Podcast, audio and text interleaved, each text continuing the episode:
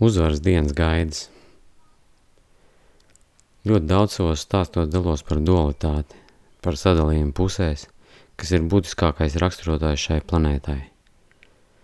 Tuvojas notikums, ka šo sadalījumu lieliski raksturo. Tās būs uzvaras dienas svinības visā pasaulē. 8. maijā svinēs rietumu pasauli, bet 9. maijā svinēs austrumu pasauli. Kaut kādā veidā katra no šīm pasaulēm pārstāv savu pusi no pagātnē pieredzētā.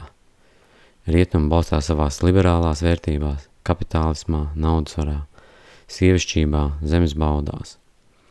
Austrums savās tradīcijās, sociālismā, vīrišķībā, garā. Pārvarot šo sadalījumu, mēs varam piedzīvot apgaismību, kas būtībā visu laiku ir klātesoša, bet nav jaušama, jo ir sadalīta. Apgaismības brīdī mēs sapratīsim, ka nekas nav balts un melns, ka nav uzvarētāji un zaudētāji, ka gars nav atraujams no matērijas. Mēs visi esam piedzīvotāji kaut kam, kas vienmēr vēlas caur mums izpausties.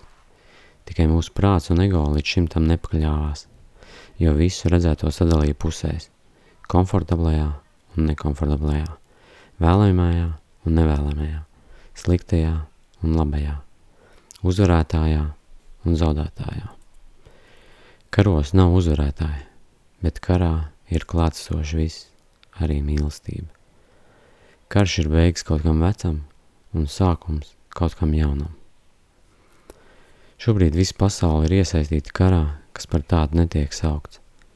Daudzās valstīs ir ieviests karstāvoklis, cilvēkiem ir samazināts tiesības, informācijas kanālos notiek visaptveroša melu kampaņa un zombēšana. Šis karš ir unikāls, jo mēs nezinām karotājus, taču mēs katrs esam karavīrs, kad cīnās par savām vērtībām, par pasauli, kādā vēlamies dzīvot. Šis karš ir daudzdimensionāls, jo karošana notiek prāta, sirds un gara dimensijās.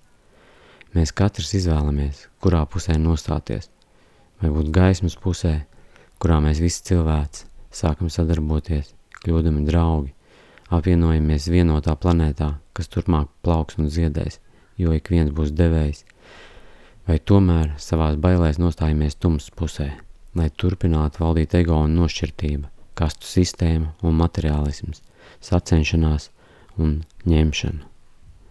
Es savu izvēli esmu izdarījis. Es esmu gaismas bruņinieks, ka šo karu izkaros sevī, par sevi par pārējiem cilvēkiem, dzīvniekiem, augiem un minerāliem. Šī būs patiesa uzvaras diena, ko turpmāk svinēsim, jo katra diena būs kā svētki, kurā novērot visu, kas notiek.